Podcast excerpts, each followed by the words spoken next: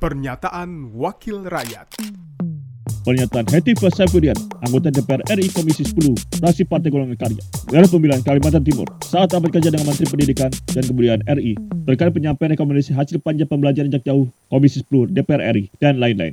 Terkait dengan TVRI gitu ya, saya kira ini bagus dan memang perlu ada evaluasi yang cukup serius karena memang 30 menit pembelajaran rasanya jadi kurang gitu ya uh, antusiasmenya besar gitu ya. Barangkali bisa juga dipikirkan uh, kanal-kanal TVRI bahkan ada yang mengatakan udah TVRI dipakai jadi kanal pendidikan aja toh yang selama ini juga yang lain enggak ditonton gitu. Cuman itu gitu yang menarik. Udah aja sekalian TVRI-nya dijadikan uh, TV untuk kanal pendidikan.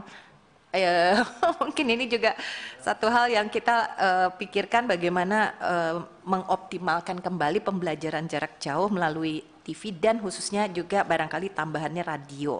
Pernyataan Heti Saifuddin, anggota DPR RI Komisi 10, fraksi Partai Golongan Karya, daerah pemilihan Kalimantan Timur, produksi Radio Parlemen, Biro Pemberitaan Parlemen, Sekjen DPR RI. Pernyataan Wakil Rakyat.